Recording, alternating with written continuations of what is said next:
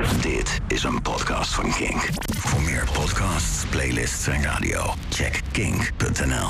Kink. Kink op de week. Ik begon met Koningshuizen toen ik jong was. Veel te jong eigenlijk. Maar ja, iedereen begon in die tijd al zo vroeg met Koningshuizen. Het was op een feestje, wat zeg ik? Een groot feest, midden in het dorp, 30 april. Ergens halverwege de jaren 80. Koekhappen, spijkerpoepen. Voor de grote mensen was er oranje bitter. En iedereen liep als een ketter te Koningshuizen. Als je gedronken hebt, kreeg je blijkbaar snel zin om te Koningshuizen. Een vaste prik tijdens zo'n feestje waren de oud-Hollandse ambachten. Elk jaar werd er weer volop gedreefknaapt. De geimelhager stond er natuurlijk. En er was ook altijd zo'n kruidenvrouwtje dat overal wel een remedie voor had. Behalve dan tegen Koningshuizen. Dat was een hardnekkige gewoonte waar geen enkel kruid tegen opgewassen was. Dat kruidenvrouwtje is trouwens tijdens de tweede coronagolf overleden. Blijkbaar waren vaccins toch betrouwbaarder dan vitamine D en zilverdruppels. Maar overal waar je keek werd gekoningshuisd. Je zag het op posters, op tv werd nog volop gekoningshuisd. Er stond zelfs koningshuis op tafel. Van die gezellige kleine glaasjes met mooie gekleurde koningshuisplaatjes. En van sommige ooms of tantes wist je dan precies wat hun favoriete prins of prinses was. En die zette je dan voor ze klaar. Ik had één oom die was gek op prins Friso. Nou, die staat het op de dag van vandaag koud.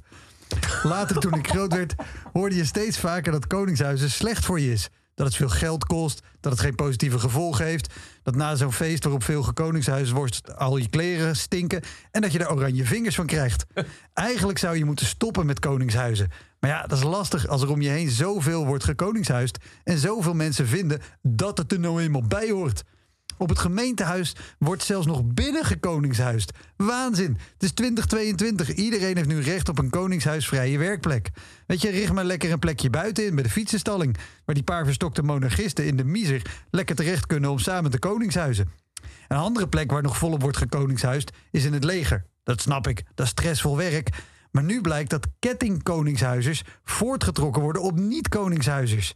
Tja, dan kan je een eerlijke sollicitatieprocedure net zo goed gelijk boven open zee uit een vliegtuig flikkeren. Vroeger was het nog wel stoer om te koningshuizen. Maar nu, je bent toch een beetje een loser. Ik wil, er zijn foto's waarop Poetin zit te koningshuizen. Die hele oorlog in Oekraïne is volgens mij gewoon om daar de aandacht een beetje van af te leiden. En het rare is dat de mensen achter het Koningshuis er zelf ook liever mee zouden stoppen. Die vragen ook steeds hè, of we zo min mogelijk willen koningshuizen. Misschien heel af en toe bij bijzondere gelegenheden. Op een verjaardag, misschien een keer op wintersport. Maar de rest van het jaar leven zij ook liever koningshuisvrij.